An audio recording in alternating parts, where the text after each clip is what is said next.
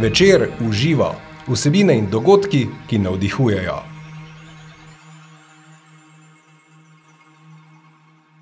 Nov podcast Večer uživa je to, dobrodošli in dobrodošli v naši družbi. O metodi, s pomočjo katere lahko spreminjamo svoje življenje na bolje, bomo govorili tokrat. Predstavili bomo tako imenovano transolucijsko metodo, ki vabi, da se pred ustvarjanjem nove želene realnosti vendarle najprej iskreno zazremo v svojo preteklost. Zakaj? Odgovor boste slišali v tokratnem podkastu. O tem odličnem, na vseh področjih življenja zelo uporabnem urodju, ki nam pomaga zaživeti na novo, smo se namreč pogovarjali z edinim certificiranim transolucijskim trenerjem pri nas. Dobrodošel, Silvester Kmetič. Dobrodošli, gospod Silvestr Kmetič, kako ste? Kako zdaj preživljate cele zadnje uh, poletne dni?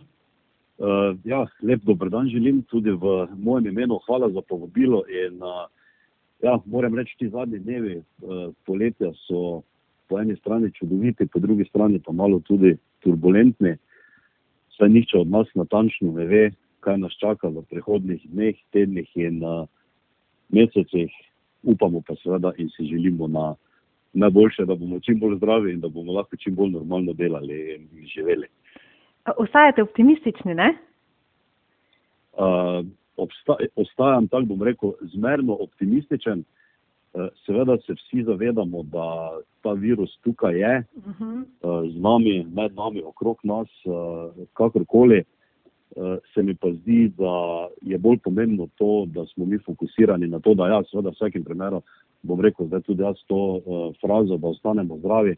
V prvi vrsti se mi zdi uh, smiselno to, da najprej poskrbimo za svoje zdravje, pa za svoje dobro počutje. Uh -huh. uh, Kaj ti bom že v začetku odkrito povedal, da malo pogrešam ravno ta sporočila, da v prvi vrsti moramo ljudje najprej poskrbeti za sebe, da najprej moramo poskrbeti za naš imunski sistem, uh za, bom rekel, našo odpornost, kakorkoli, ne samo zaradi korone, ampak tudi zaradi uh, ostalih stvari, ki tako in tako prihajajo v tem jesenskem in zimskem času. Da, to se mi zdi zelo pomembno sporočilo.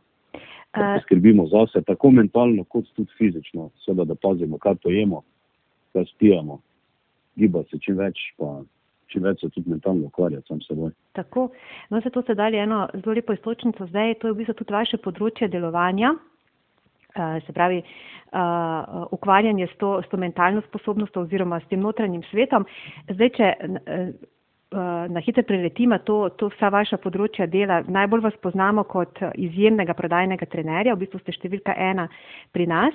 Um, pa ste tudi master coach neurolingvističnega programiranja in edini certificirani transolucijski trener pri nas. Je tako? Uh, vse to drži, s tem, da tisto številka ena. Um prodajnega koča, pa prodajnega trenerja, tisto je tako, da se včasih mi kdo reče, da, da sem jaz to tako, včasih marketinško to uporabimo, včasih tudi ne. To je, bom rekel, zelo relativno, zato ker je vedno odvisno, od kaj gledamo. Ne, lahko imamo sami sebe za najboljše, lahko na druge rečejo, da so najboljši. Uh, jaz bom tako rekel, zagotovo uh, sem sposoben pomagati marsikomu, ki želi napredovati v prodaji, v prodajnih procesih, v prodajnih strukturah. In to se mi zdi bolj smiselno, uh, da se to na ta način tudi pove.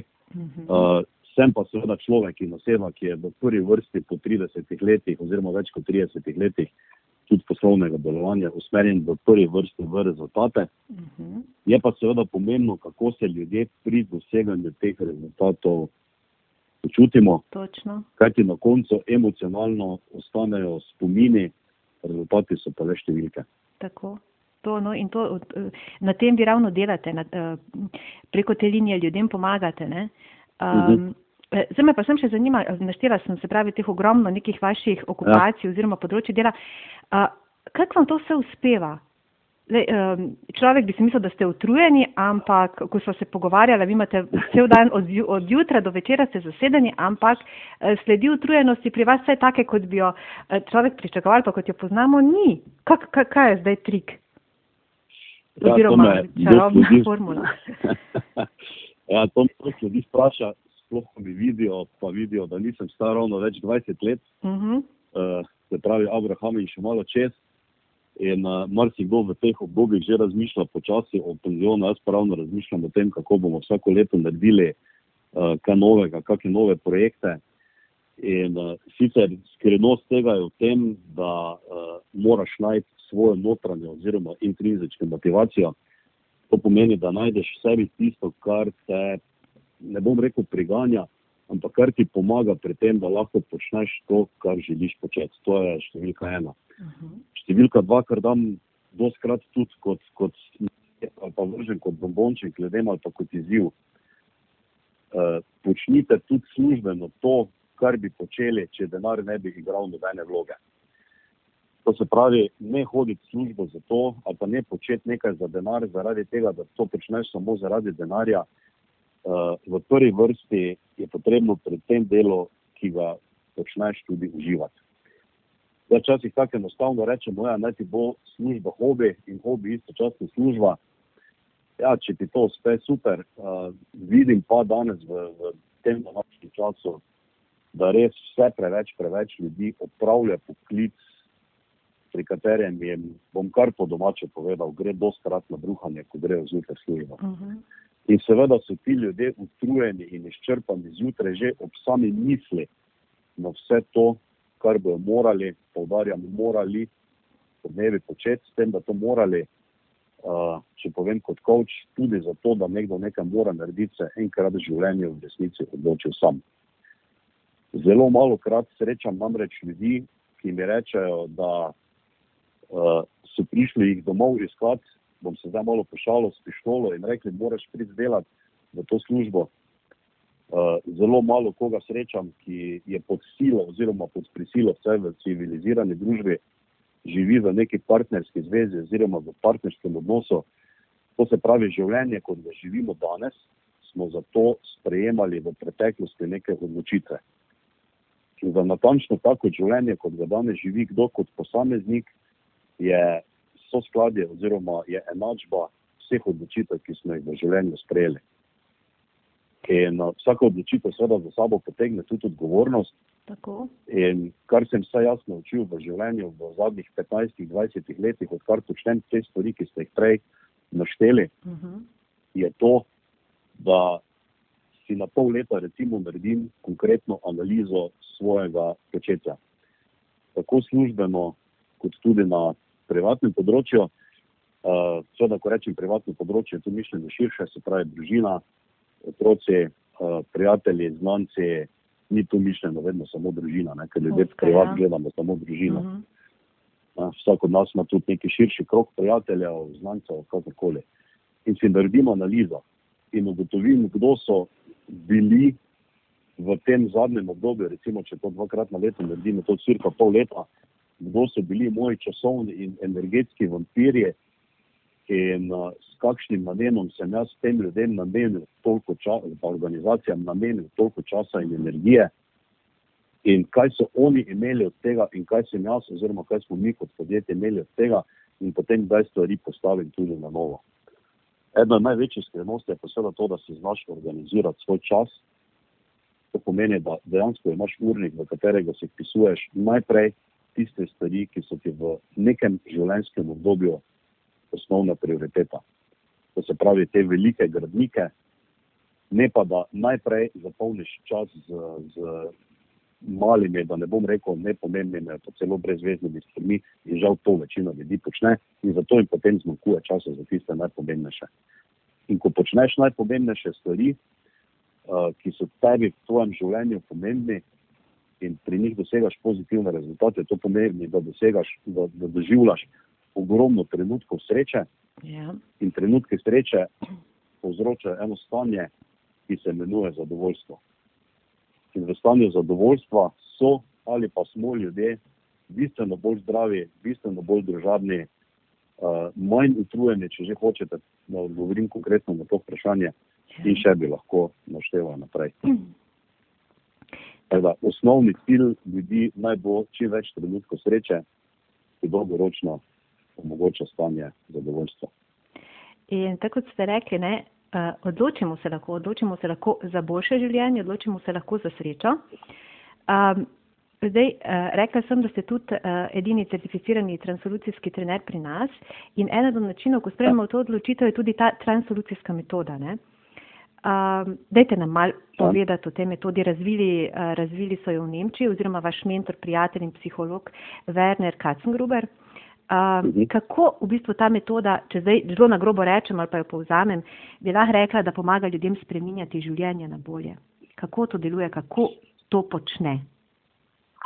Ok, uh, hvala za vprašanje, ker uh, ime je nekaj, ne, se pravi ta ja. uh, transolucijska metoda oziroma transolucijska slovenščina, ljudem ne pove nič. Uh mhm. -huh.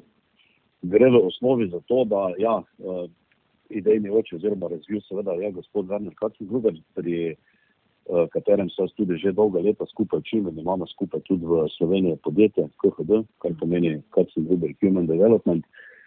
In, uh, je seveda posledica ne samo njegovega dela, temveč našega skupnega dela, se pravi vseh trenerjev in, in kočev in uh, nekaj tisoč konkretnih primerov, ki smo jih skupaj delali in potem seveda naredimo mi supervizijo, brainstorming, kakorkoli to imenujemo. In vse te zadeve zapisujemo, vse drugega podpiramo, vse drugemu pomagamo, sploh pri teh individualnih uh, stvareh. In tako je počasi, oziroma postopoma nastala ta metoda, uh mhm. -huh. ki jo je uh, Vrnil Karlsson Gruber v Belodanju pred, mislim, da ne tremi, štirimi leti. Normalno, ker sem v ožjem njegovem timu, sem tudi edini, moram tako reči, ne samo slovenec, edini za enkrat ne nemško govoreč, ne samo nemško govoreč, uh, trenera, sploh trener zunaj Nemčije, tako za te stvari. In gre za to, da človeku dejansko pomagamo, da pride iz nekega stanja, v katerem je zdaj, iz nekega neželenega stanja, v katerem je zdaj, v neko stanje, v katerem želi biti. Uh mhm. -huh. Jaz sem zdaj namenoma rekel človeku, to enako velja lahko za družino, to enako velja lahko za neko širše okolje. To lahko, recimo, med to metodo se da uporabiti tudi um, recimo v primeru, da pride do nekih sporov, do neke večje stavbe, ki se ljudje med sabo ne morejo dogovoriti, kako naprej, ali v podjetjih, ali pa tudi širše v družbi. In uh, moje želje, da ne bom rekel, oklepajo sanje, so, da bi tudi v slovenski družbi, uh, zdaj ne bomo danes o politiki govorila, uh, ljudje, ki so odgovorni za to, kako se državljani počutimo, kako razmišljajo, razmišljamo, da bi tudi tam uh, začeli razumeti, kako pomembna je ta mentalna priprava, oziroma kako pomembna je miselnost, ampak seveda na profesionalnem nivoju. Zdaj, ko pogledamo neko situacijo, ajde rečemo izziv, problem, kakorkoli to lepo rečemo, čeprav kot človek ima problem, ima za res problem. Uh, je treba pogledati najprej, kako je do te neke situacije sploh prišlo. In uh, posebnost te transolucijske metode je v tem, da ko pogledamo v preteklost, ker vedno moramo najprej iskati vzroke oziroma razloge, zakaj se je nekaj zgodilo v preteklosti. Se pravi, pogledamo v preteklost in v preteklosti pogledamo vedno na stvari v dveh nivojih. To pomeni, enkrat pogledamo realnost prvega reda, kar pomeni vse to, kar je konkretno in merljivo. Uh -huh. Nemci temu rečejo CDF, se pravi, cel datum fakt, in to pomeni dejstva, podatki in številke. In potem se preselimo na drugi nivo, se pravi nivo drugega reda, kar pa so emocije oziroma občutke oziroma naše doživljanje te situacije. In da bo poslušalci, ki nas danes poslušajo, prvič to popolnoma jasno, dam primer, ko se recimo pogovarjam z nekim podjetnikom ali pa gospodarstvenikom ali kakorkoli pa za neko partnersko zvezo, čisto eno je, uh -huh. zakaj, ker je ta metoda res splošno uporabna. In najprej rečem, uh, ko si damo primer podjetja, ko si odprl svoje podjetje, si imel natančno koliko denarja, natančno kakšno poslovno idejo, natančno kakšne, katere, kako velike poslovne prostore, uh -huh. ali si začel popolnoma sam, koliko si imel prvi mesec plače, koliko si imel drugi mesec plače, v primeru, da si začel zaposlovati ljudi, uh, koga si zaposloval, koliko se, se pravi, vse to, kar je popolnoma racionalno. In seveda, ko to analizo naredim z ljudmi, ljudje ponavadi začnejo govoriti zraven avtomatsko o občutkih. Občutke treba dati tu stran. Distanca. Kajti najprej se treba zavedati golih dejstev. Dejstev, podatkov in številk. In to pri čist vsaki stvari. In šele potem lahko gremo na, na emocionalni del, v katerega ljudje tako radi zahajamo in tudi večina, bom rekel, koče se ukvarja v 95% samo z tem emocionalnim delom, kako smo se takrat počutili, kaj smo razmišljali, katere ideje so nas pripeljale do tega, ali je to bila v resnici sploh moja ideja, ali je to bila ideja koga drugega, ali je to bila moja notranja motivacija, ali sem zato dobil zunanjo motivacijo. In uh, moram vam odkrito povedati, da se marsikdaj samo pri analizi te preteklosti, ki jo delaš morda kdaj za 10, 15, 20, 25, 30 let nazaj, ali pa celo 40 let nazaj, uh, da ljudem pridejo solze na oči in takrat še več prvi v življenju, ko XY leti razumejo, ker niso nikoli prej v življenju šli te analize delati. Kaj natančno in na kakšni osnovi jih je takrat pripeljalo za to, da so sprejemali takšne odločitve, kot so sprejemali. In če je to kompleksna zadeva, zato lahko ljudje porabijo tudi nekaj ur. Zdaj pride tisto najpomembnejše, ti ne moreš delati spremen nečesa v prihodnosti, dokler ne poznaš vseh dejstev, vseh podatkov in vseh stvari, ki so te pripeljali do tega, da imaš danes situacijo takšno, kot jo imaš. Večina ljudi bi najraje to vse skupaj zbrisala, dala v stran, se obrnila za 180 stopinj in rekla, zdaj pa začnem novo življenje. Ja. To enostavno ne gre. Ja, ja. Zaradi tega, ker mi smo v nekem trenutku toliko stari, imamo toliko znanja, imamo toliko izkušenj in uh, naš limični sistem, se pravi ta sistem v možganjih, ki odreja to, kako se mi v nekem trenutku počutimo, in pa naš uh, frontalni kortek, se pravi ta del možganov, v katerem imamo znanje in razmišljanje, enostavno imajo narejene svoje vzorce, Ja. ki so se dogajali od spočetja ali pa od rojstva, kakorkoli, da zdaj ne bomo hodili preveč v te stvari. In potem korak številka dva, se pravi korak številka ena, je to analiza preteklosti. Blazno pomemben korak, če ne še pomembnejši kot analiza preteklosti, je analiza sedanjosti. To pomeni, danes imam neko situacijo, popolnoma enaka stvar. Najprej dejstva, podatki, številke in kako se danes v tej situaciji počutim. In zdaj, če ostajamo pri podjetništvu, ali pa če, če gremo lahko v vse ni važno, lahko tudi, če pogledamo, ima nekdo izzive v zasebnem življenju, Ja. ja. v partnerski zvezi z družino, popolnoma vseeno, kakšen primer vzamemo, je enako.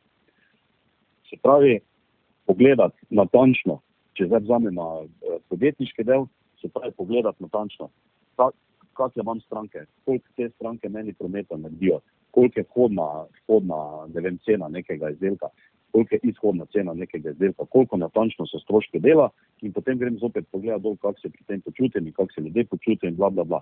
Se pravi, narediti to analizo. Ko to analizo delam, mi ljudje ponavadi silijo v prihodnost. Pusti, kaj bo jutri. Mi dva se pogovarjamo o tem trenutku, zdaj in tukaj. In to je tisto najtežje. Tudi za ljudi, recimo, eh, danes ogromno ljudi, eh, glede na to, da nas danes kar posluša precej široka in pisana množica ljudi, recimo ljudje danes razmišljajo o neki finančni varnosti, ne? Mhm. v kaj sploh investira. Dam primer. Uh, nekomu ostane na mesec, ne vem, 30, 50, 100, 150, 200 evrov, nekomu pa nekaj tisoč evrov. Ne? Ampak ni pomembno, koliko denarja ljudem ostane. Večina teh ljudi se sprašuje, kaj naj z tem denarjem naredim. Zato, da bo ta denar vsaj ohranil vrednost, ali pa, ali pa da, uh, da celo nekaj malega denar naredi zate. In seveda, na osnovi česa sprejemamo odločitve, na osnovi preteklih izkušenj. Ja. Da pa se vprašate, ali sprejemate odločitve na osnovi preteklih izkušenj iz otroštva, ali tega, kar vam je nekdo povedal, ali pa tega, kar ste sami šli analizirati. To mi devet, v 90% ljudi rečejo, ja, to so mi starši rekli, to mi je stric rekel, Ja. to mi je oni sosed tam je vsaj rekel, ja, kakšno analizo si pa ti sam naredil pri sebi Točno in je potem, potem nastane tišina. Ne? In to so te stvari, uh, jaz vem, da se to, morda namenoma uporabo pogojnik, morda sliši malo kruto ali pa trdno. Ali pa trdo. Ampak življenje, jaz ne bom rekel, da je življenje trdo. Ampak življenje je oboje. Življenje je dejstvo in življenje so emocije.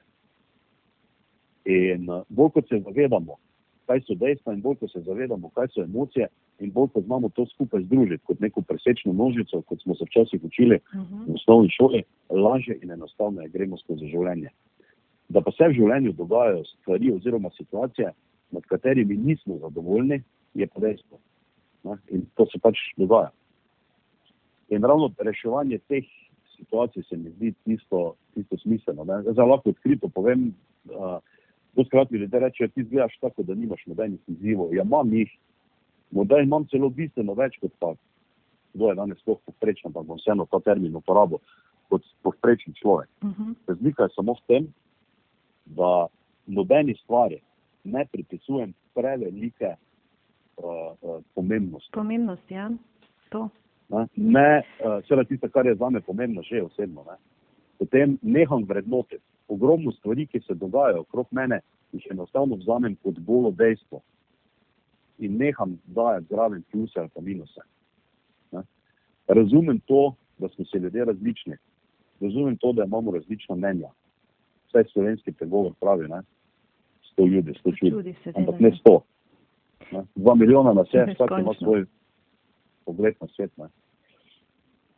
In potem pride tisti najpomembnejši del, te translucijske metode, se pravi, ko smo te dve analize naredili, analizo preteklosti ja. in analizo sedanjosti. Obe analizi na obeh nivojih, se pravi na nivoju prvega reda in na nivoju drugega reda, pride pa potem to, čega, kar mi imenujemo prostor idej oziroma prostor vizij. To pomeni, da tu si pa zdaj damo nekaj časa, ne me vpraša, koliko časa je to, to je lahko v nekih izjemnih situacijah samo nekaj minut, lahko je nekaj ur, lahko je pa nekaj dni, tudi nekaj tednov. Se pravi, prostor je, to se pravi čas, ko dejansko si dovolimo sanjati. Ko si dovolimo sanjati na obeh nivojih, ko si dovolimo sanjati neke nove številke, ko si dovolimo sanjati uh, neko novo okolje, v katerem bomo, v narekovajih, zopet povem, morda čez nekaj časa živeli. In dam primer, ne? vsi znanstveniki, vsi uh, izumitelji so to metodo uporabljali pri svojem delu. Ampak verjetno je intuitivno, ne? Imeti, seveda, ja. je intuitivno, normalno. Um, se pravi, so morali uh, najprej imeti sploh neko idejo. Predstavljati si, kolikrat, ne, koliko je bolnih poskusov žarnica. Uh mhm. -huh. Se ne vem, ali deset ali sto tisoč.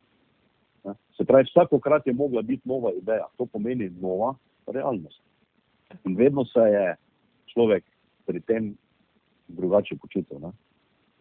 In, in to, so, to so te stvari, ki so skozi zgodovino sicer jasne, ampak seveda stroka, se pravi v tem primeru psihologija, tudi neuroznanost je tega ogromno raziskovala.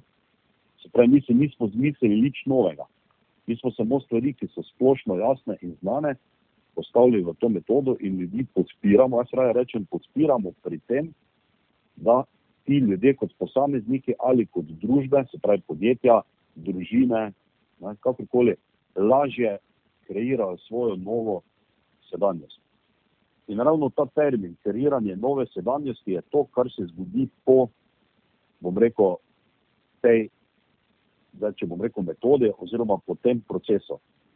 Ampak glede na to, da je življenje konstantni proces spreminjanja, ko človek enkrat to metodo razume in jo začne živeti, v resnici živeti, uh, je ti to potem enostavno postane način življenja. Teda, jaz upam, da je bilo dovolj. ja, zelo izčrpno, zelo jasno. Uh, Vi zdaj v bistvu vi živite to metodo, ne? vi ste verjetno že prej tudi intuitivno te zadeve, da ste sploh lahko bili tako uspešni in um, da ste lahko ustvarjali, uh, ste že prej na nek način to živeli, ste rekli, to ni nič novega, vi ste sam prave komponente povezali. Uh, zdaj pa še toliko bolj zavestno, uh, verjetno, ne? Drži, vam pa eno stvar, kar je največja posebnost tega, ne? Ja. Sta prvi dve stvari. Jaz lahko, ker me doskrat ljudje vprašajo, kot mi me duše lahko zdaj se rečem uspešnega podjetnika, tudi se pravi več kot 30 let v podjetništvu. Um, in, in ljudje rečejo, ja, ti si se doskrat marsikaj upal. Uh Mhm. -huh. Upal sem se zaradi tega, ker sem verjel ne samo zase, temveč tudi v sodelavce, s katerimi delam že mnoga leta skupaj. Uh, je pa res, da na ta način sem se loteval stvari, da se na ta način lotuje, uh, uh, lotim stvari, ko me zadnje 3-4 leta, odkar to metodo res dobro poznam. Uh -huh. Če sem nikoli prej nisem počel, nisem šel delati iste analize preteklosti tako konkretno. Ja. In ko greš delati res analizo preteklosti, recimo, če zdaj stanemo zopet pri podjetništvu v, za 30 let nazaj, ne, tebi postane jasno, kakšne imaš vzorce. In potem veš, kad natančno, če želiš doseči drugačen rezultat, veš, kateri vzorec moraš spremeniti, zato da te bo pripeljal do drugačnega rezultata. In enako velja v zasebnem, v privatnem življenju. Recimo, ne, nekdo bi rad skušal, da ima enostaven primer. Uh -huh. Nekdo bi rad skušal. Je idi v otroštvo pogledati, čisto enostavno, kako ste doma jedli. In tisti, ki ste, bom rekel, približno moja generacija, se pravi tam rojeni 60-ih, 70-ih, 80-ih, pa tudi če v 90-ih letih, jaz se bom rekel, da smo živeli v pomankanju. Ampak, ko sem se z ljudmi pogovarjal, je takrat veljala navada polnega krožnika. Ja. To pomeni, koliko so nam starši dali na krožnik, koliko smo pojedli. Ne? In uh, vse moja se verjetno tudi vi še spomnite tega časa, ne? malo. Tudi, ja, tudi, tudi, ja. Zdaj ne bom rekel, da, da smo ga vsi imeli doma, ampak ogromno ljudi, se pravi, vsi smo živeli v podobnem času, v podobnem okolju. Ne? Tako. In če ti je ta navada ostala, ne? to pomeni, da si, da si tudi še danes daš precej stvari na krožnik Uh -huh. in da to, kar dobiš na krožnik, poješ. ja. In pri nas je bilo še tako, meni ni to sram povedati, ne? pri nas je bilo še tako, da če je kdo še kaj pustil, je nekdo drugi od tega pojedel. Ja, kaj ker se jaz pustiti. župan, ne, ja. In potem bi zdaj si ti, zdaj boš pa ti šel neke diete delati pri 30, 35 letih.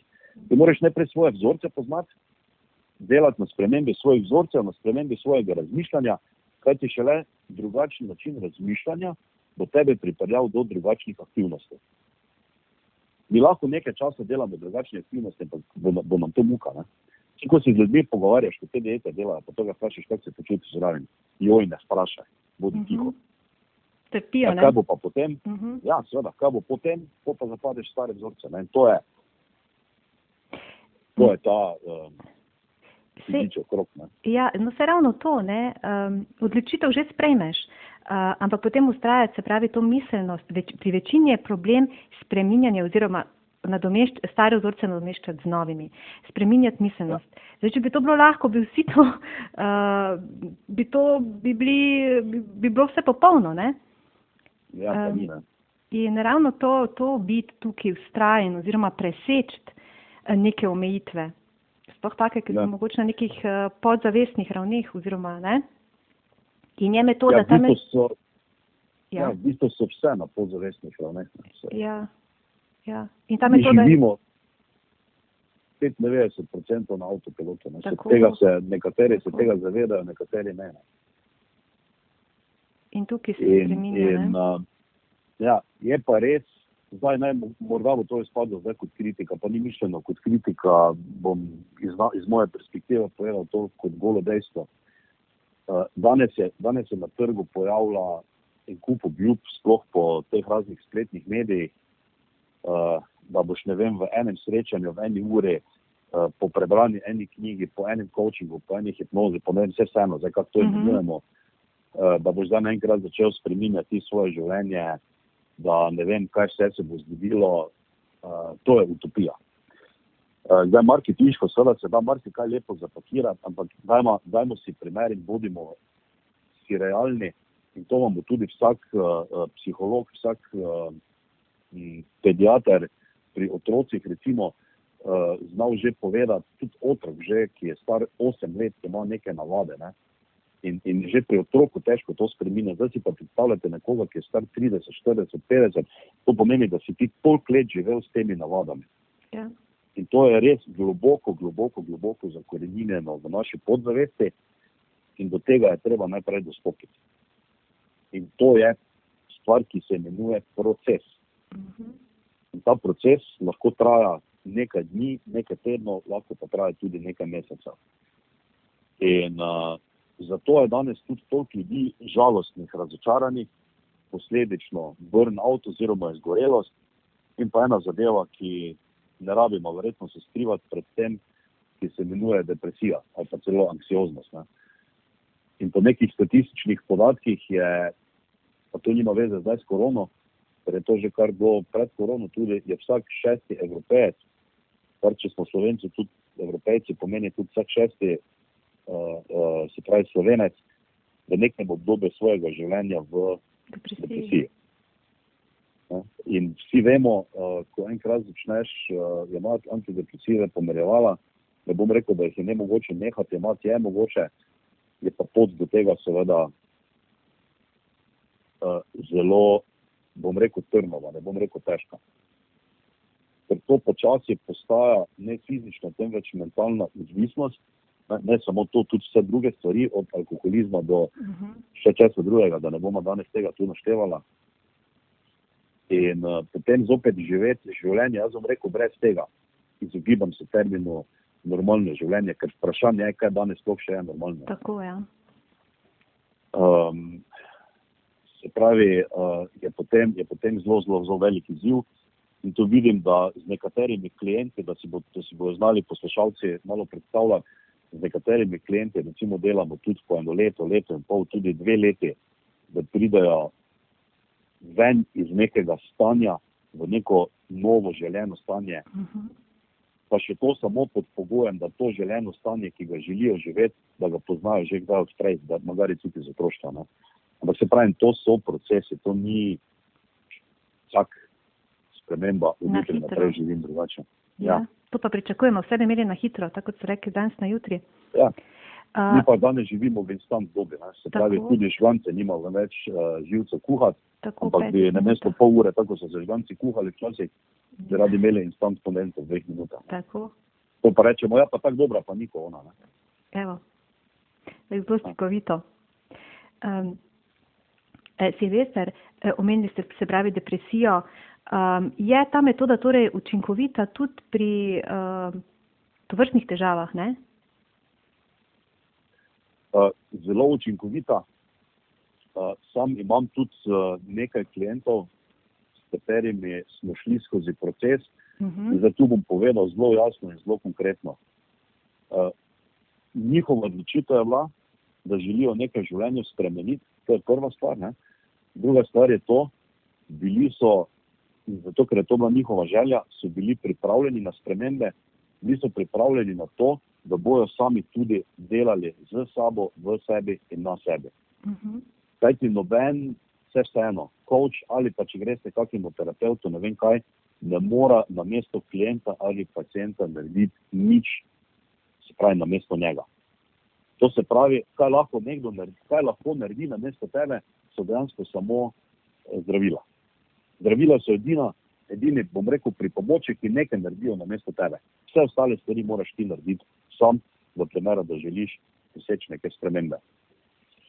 Uh, to pomeni, da imajo ljudje, recimo, taka srečanja so lahko na en teden, na 14 dni, ljudje dobijo domačo nalogo in potem tako šoli. In potem to domačo nalogo delajo.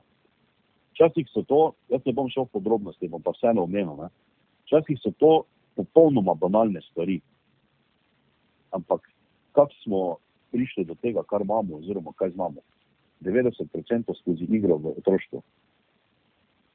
In uh, to so ti vzorci, ki jih je enostavno treba razumeti in ki jih je treba uh, ljudem pomagati, da jih ponovno ozavestijo.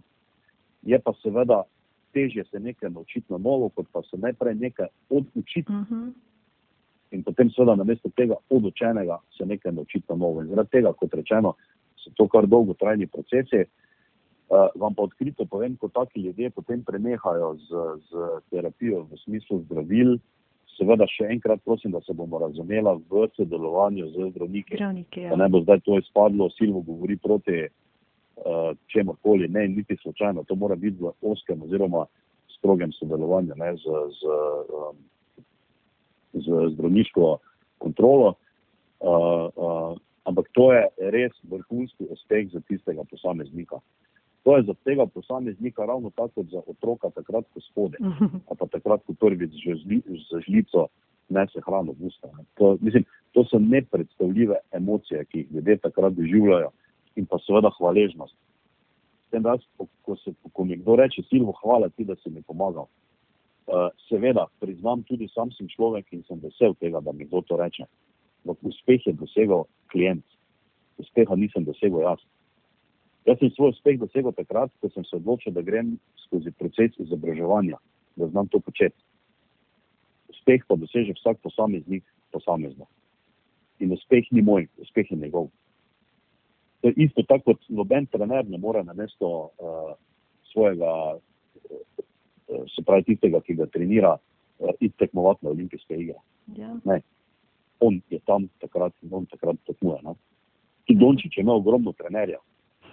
Ampak recimo, med v zadnji sekundi za tri točke, ki ga je naredil uh, uh, ravno zdaj pred kratkim, ne, uh Mhm. -huh. ga je naredil v tistem trenutku on. Noben Tako. trener, noben coach, noben psiholog, noben sociolog. In to je treba razumeti. In to je ta odgovornost, o kateri govorim. Na eni strani nas, se pravi, trenerje, coache, tudi če hočete, Mhm. terapeutov, in na drugi strani seveda klienta. In to zaupanje. Ja. Uh, pa je katera zgodba, ki se vas je, ne vem, še posebej dotaknila ali pa vam je še posebej ostala kot, um, neka, kot zgodba uspeha, no, preboja? Um, Ja, je. je. Ja, seveda so, so take zgodbe, normalno. Jaz jih ne bom danes imenoval z Imeni. imenom, Uh -huh. ampak eh, recimo ena od prvih takih res uh, zgodb, ki se je zgodila, ki je trajala zelo podobno kot temu, kar sem zdaj ravno kar opisoval, uh, je bila zgodba z eno, bom rekel, damo, ki je imela res v življenju zelo, zelo, zelo velike izzive v otroštvu. Uh, skoraj da vse, kar se ti lahko zgodi, žal negativnega, se je ne v življenju zgodilo in je normalno, da ti to na psihi oziroma na mentalnem sklopu delovanja možganov normalno pusti posledice. In uh, seveda se je sama v nekem trenutku odločila, da bo šla skozi ta proces. Ta proces je trajal leto in pol oziroma dve leti. Res je počela stvari, za katere moram reči, da uh, se mi čestito vedno znova, ko smo se videla, držala se je res uh, uh, navodil, včasih je naredila celo kako stvar še več, kot je bilo pričakovano. Tudi sama se je dodatno še izobraževala, brala ogromno knjig, ampak res, res tipičen klasični primer delo v sebi, na sebi, z sabo. In po letu in pol je potem, bom rekel, zaživela popolnoma človeka vredno življenje, mentalno svobodno. In tudi zdaj se še včasih vidimo, oziroma srečava. In to se mi zdi smiselno za tiste ljudi, ki poslušate to in imate podobne izzive. Uh, ker me ljudje doskrat vprašajo, ja, kaj pa če se ti kdaj vrnejo taka stanja. Seveda se vrnejo, vse je ne mogoče to zbrisati iz možganov. Uh -huh. Je pa pomembno to, da se ti skozi take procese naučiš, tako v trenutkih ravnati Tako. da v takih trenutkih si sposoben obvladovati samega sebe, da v takih trenutkih ne zapadeš zopet v popolno depresijo, v zopet v anksioznost in zopet v tablete. In tudi je to ok, tudi če kdo kdaj reče, seveda tudi okolica mora to sprejeti. Ne. Tudi če ti kdaj kdo reče, daj mi eno uro mira, upoštevajte to in pustite človeka ne svoje mentalne procese v tisti eni uri, ali pa tudi če je to en dan bodimo strpni en do drugega in imejmo več razumevanja en do drugega. Ne pa takrat siliti najslabše besede, ki jih lahko rečemo, ah, saj ni tako hudo, ah, saj bo že, Uh -huh. ja, veš, jaz sem še slabše, teže stvari dosegam v življenju. To je samo še enako kot livanje benzina na ogenj. In tega, bom rekel, te osnovne edukacije pogrešam, moram reči, tudi že v šolskem sistemu. Ne, ker tega je vedno več, ne vidimo, vsi ljudje skoraj imamo neke izzive, ne, kaj zdaj takrat narediti. Ne. Najslabše pa je človeka reči, ne vem, v moški družbi, bom po moški povedal, stari gremo na pivo. Ja. Tako. Ne. Ker po treh, štirih pivih je sicer takrat problem morda malo manjši, ampak drugi dan je problem še večji, pa še prazna denarnica. Ja. Ne. Mislim, malo karikirano Ja, povedano. razumem, ja. To je to. Ne. Ja, se pravi, to je en taki primer, drugi primer pa je bil taki čist, da si ga bodo poslušalci znali predstavljati. Človek, ki se pravi, fant takrat star okrog 30 let, ki ni slišal skoraj nič in, in smo skozi proces ugotovila tudi v sodelovanju z, se pravi, v obeh teh primerih, ki vam govorim, sodelovanje z njihovimi osebnimi zdravniki uh mhm. -huh. in uh, psihiatri. Uh, v obeh primerih um, pravi, pri tem drugem, seveda ugotovljeno, da je bila čista psihosomatika, ne, ker je imel uh, patološko, to pomeni, se pravi, zdravstveno, uh, šestni kanal, uh, bobniče, uh, sluho vode, uh, možganski del, ker smo tudi slikanje možganov delali, vse BP, to se pravi, človek bi po vseh pravilih moral normalno slišati. Ja, in in uh, tudi proces, ta sicer ni trajal toliko časa, ta je trajal ne 3-4 mesece. Um, skoraj da, bom rekel, no, skoraj da normalno. Se pravi, če je bilo prej 80-20 v korist neslišanja, je zdaj 80-20 v korist slišanja. In, in to, pravi, to so stvari, ki, ki, ki ti res in tebi in, in, in klientom dajo zadovoljstvo. Ne. Je pa res, da v zadnjem obdobju imam bistveno več klientov na poslovnem področju, to so pa številke in, in njihovi poslovni načrti ki so seveda materialno, bom rekel, bistveno večji kot pa ta dva primera, ki sem jih zdaj naštel. Um, gre pa to seveda v popolnoma uh, uh, drugo smer, potem, ne, se pravi, na, na poslovnem področju. Se dela tudi lahko za celotno skupino, za celotnim podjetjem. Ampak no. se mi zdi bolj smiselno danes za, za, za, za prvič, da ljudem povemo tako bolj enostavne primere ki so, ki so dejansko vsakodnevne. Ne. Bolj osebne. Ja. Uh, uh, Silvestre, pa se vam da zgodi, da bi vem, uh, vas poiskal kdo, ki pa ne vem, ali je že mogoče svojim, svojo težavo že zabredel pregloboko, ali da bi bilo prepozno, ali, ali se da vse rešiti. No? Um, o, a, Zdaj bom tako rekel, prepozno, ja. prepozno ni nikoli. Uh mhm. -huh. Jaz sem zelo življenjski in rečem prepozno, takrat, ko je življenje konec. Takrat nimaš več kaj mhm. popravljati, ne spremenjati v svojem življenju. Govorim kot posameznik.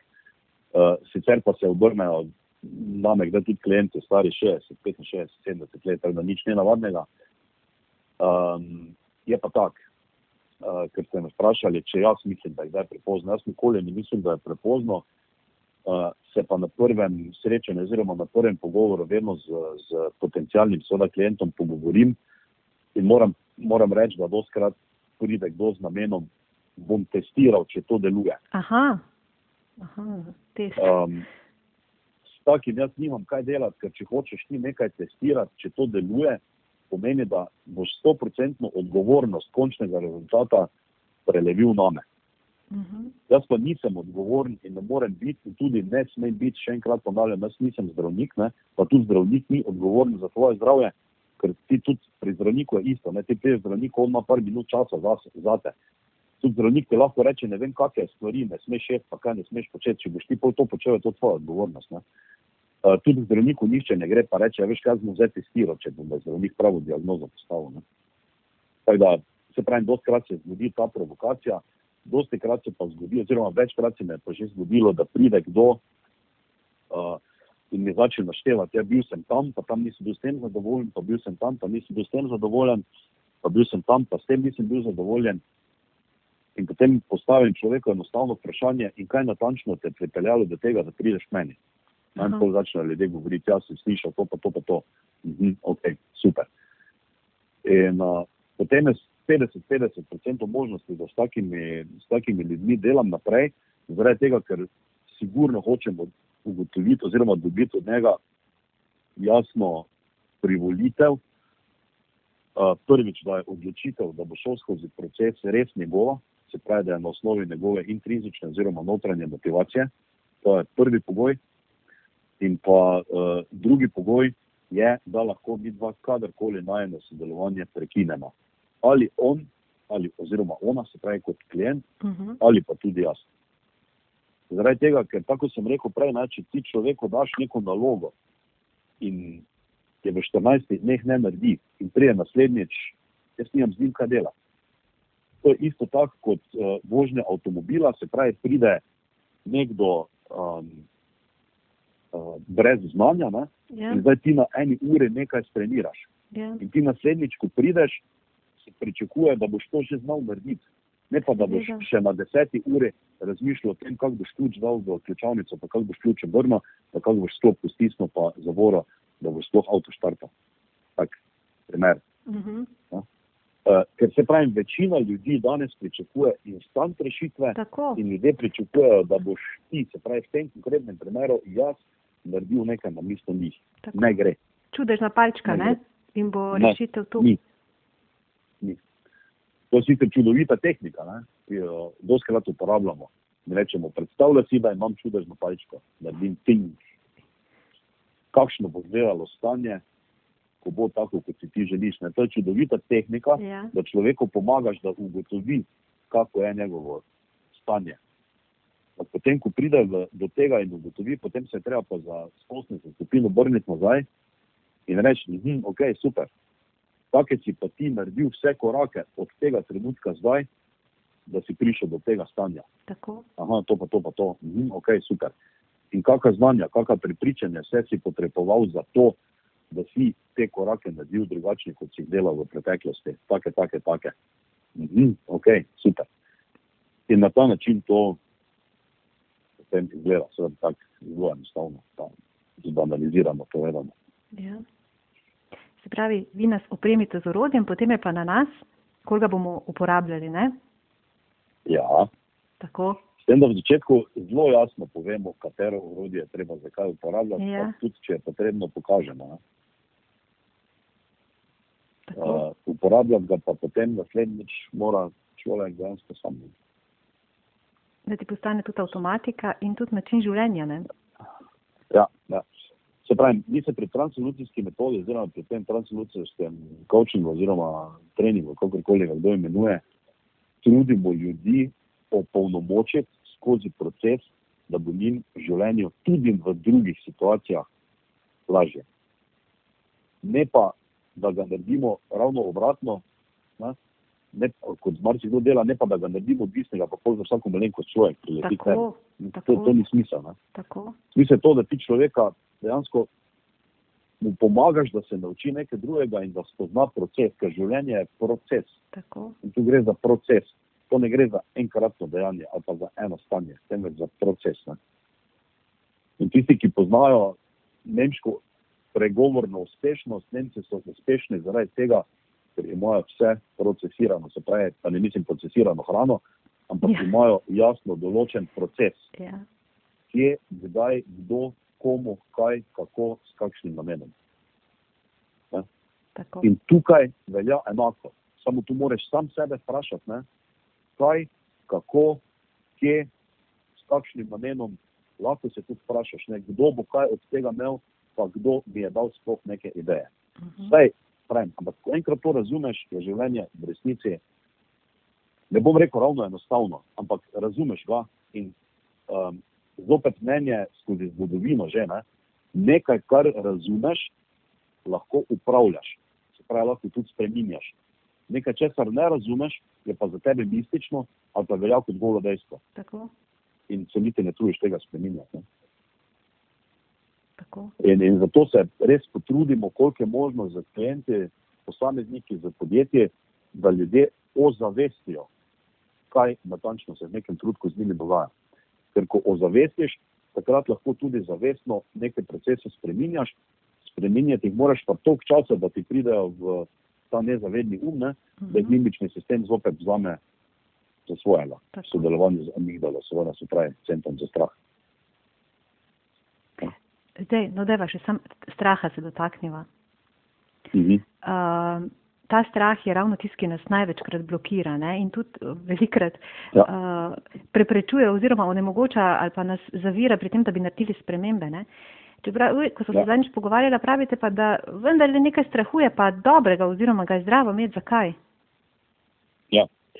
Jaz sem dal tu čist konkreten primer. Ne? Ja, A, človek se že rodi in to epigenetika danes priznava. uh -huh. Človek se, danes, človek se že rodi z določeno količino strahu. Seveda je pa vprašanje, v kakšno obliko se ta strah z leti oziroma s časom kanalizira. In poznam ljudi, ki jih je strah, recimo, naravle ali pa malega pajka. Seveda je za nekoga to smešno, za tistega človeka, v situaciji, ko se kaj takega zgodi, ni pa to niti malo smešno. Ja. In zopet bom rekel, da to, prosim, uh, uh, ljudi ne nasebajte temu, da vam bo nekdo strah odstranil. Strah je nemogoče, da vam ga nekdo odstrani. Uh, obstajajo sicer antifobijske tehnike, recimo in podobno, ki jih Mhm. seveda tudi mi uporabljamo pri delu, ampak tu gre za prekanalizacijo. Ne? To pomeni, da če tebe strah kače, ne, uh, uh, da zdaj pa je vprašanje, ne, ali je zato res potrebno, da si daš kače okrog vratu in kače celo božaš, ker če si bil prej v globokih traumatičnih situacijah, v takem primeru in si tako spremembo naredil, kar jo je možno narediti, ne, je vprašanje, kakšna bo tvoja reakcija, ko boš v, recimo na Šrilanki, ker si bil večkrat v naravi v resnici videl kačo. Ali boš šel k nepo, ali boš šel božati, ali boš pa ozavesto in boš rekel, aha, ok, to je žival, živi v svojem okolju, približam se lahko na toliko in toliko metrov, in ko bom prišel na toliko in toliko metrov, moram upočasniti svoje gibanje, zaradi tega, da bomo oba dva imela to varnostno razdaljo. In to je to, kar ljudje doskrat ne razumejo pravilno. To se pravi, pri strahu gre za to, da se skozi te procese človek nauči obvladovati ta strah in da lahko s tem dejansko tudi živi. In podoben primer je strah letenja. Ne? Zelo malo ljudi je v resnici s letalom, zelo malo ljudi je v resnici strah letenja z letalom, večino ljudi je strah, vem, zaprtega prostora, uh, uh, prostega pada, recimo je ljudi strah, potem, uh, uh, da dihati ne bojo mogli, ali pa ogromno ljudi je tudi strah tega, da nima kontrole nad tem, kar se dogaja. Ne? In pravilen proces seveda je uh, ugotoviti, kaj je ta strah, kaj se skriva za tem strahom in to, in to iti, bom rekel, reševati. Seveda se pa za antifobijsko tehniko da rešiti tudi na ta način, ne, da človeka enostavno pelješ na letalo. Tudi to je izvedljivo. Teda toliko o, strahu, ne strah pa je tudi pozitivno zaradi tega, ker jaz upam, da so ljudje to razbrali že iz tega odgovora. Vem, če mi strahu ne bi imeli v sebi, ne, strah nam na nek način zagotavlja tudi eksistenco. Če strahu ne bi imeli, ja kaj, bi šli na cesto, pa bi nas kamion povozil. Ne. Ali pa, ali pa ne vem, iz Tako je. 15. nadstropja skoči dol, ja. brez, ne, se, I believe I can fly, recimo. Ne. Ja. Ja, se pravi, to so lahko včasih zelo nevarne stvari, ne? kot ti nekdo reče, da ti bo kar odvzel strah, pa bo živel svobodno, brez strahu. Ja. Tako natančno to misliš, ne? svobodno, brez strahu. Uh, obstaja pa ta eksistencialni strah, pa tudi to je dokazano, ne? obstaja, mislim, uh, se, ga, se pa v zgodovini zgodil pred milijoni let, največji, najbolj smrtni sovražnik ljudi je bil sabljasti tiger. Sabljasti tiger je boje pobil v tistem obdobju seveda največ ljudi in napadal je vedno zadaj. Mhm. In tu je ta fenomen, ki ga je verjetno poznal tudi večina poslušalcev. Uh, se pravi, greš zvečer v gost ali pa obrob gozda, v, predvsem v mraku, in se ti nikoli v življenju ni zgodila nobena dramatična situacija. In 98% ljudi reče, da se neprijetno počuti, oziroma da jih je na nek način celo strah. Zakaj? Ker je to enostavno zapisano v genih. V genih, ja. Pravi, skozi milijone let se je ta eksistencialni strah prenašal skozi genetiko. Po drugi strani, seveda, uh, je pa tudi situacije, ki se zdaj dogajajo okrog nas, ampak smo rekli, ne bomo politizirala, je marsikdaj povezana z strahom in v fazi eksistencialnega strahu so ponavadi samo tri stanja.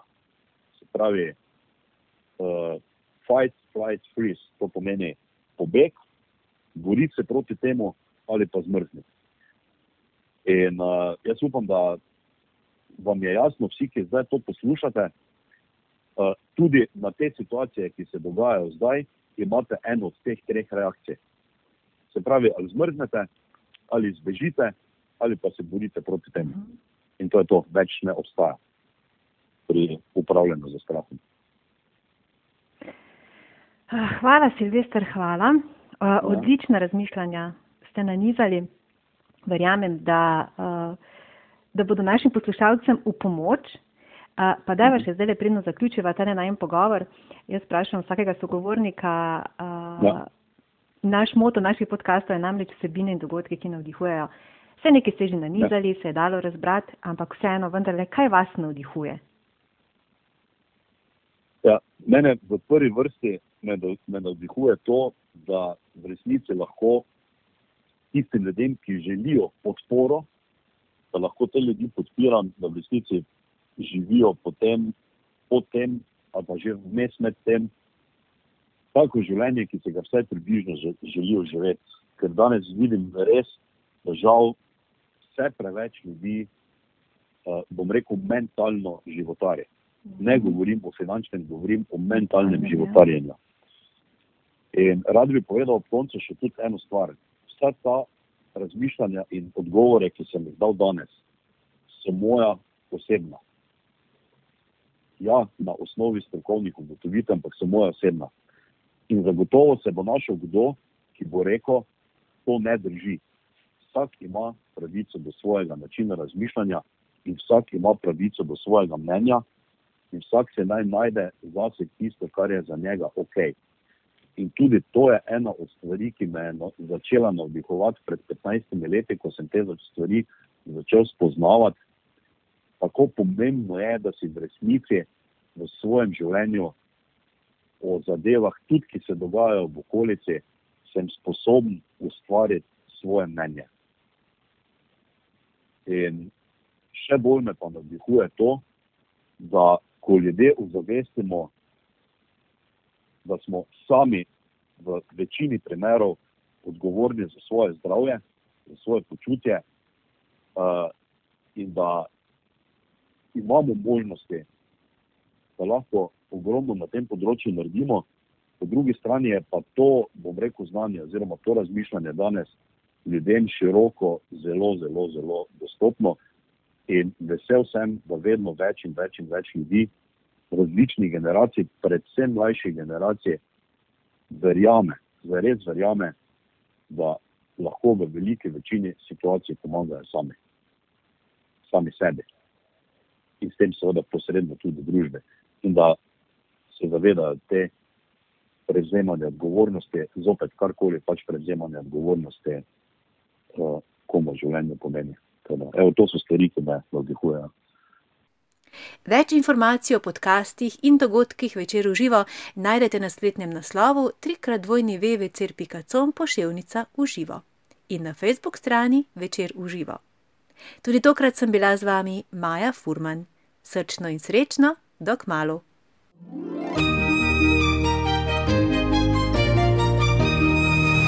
Večer v živo, vsebine in dogodki, ki navdihujejo.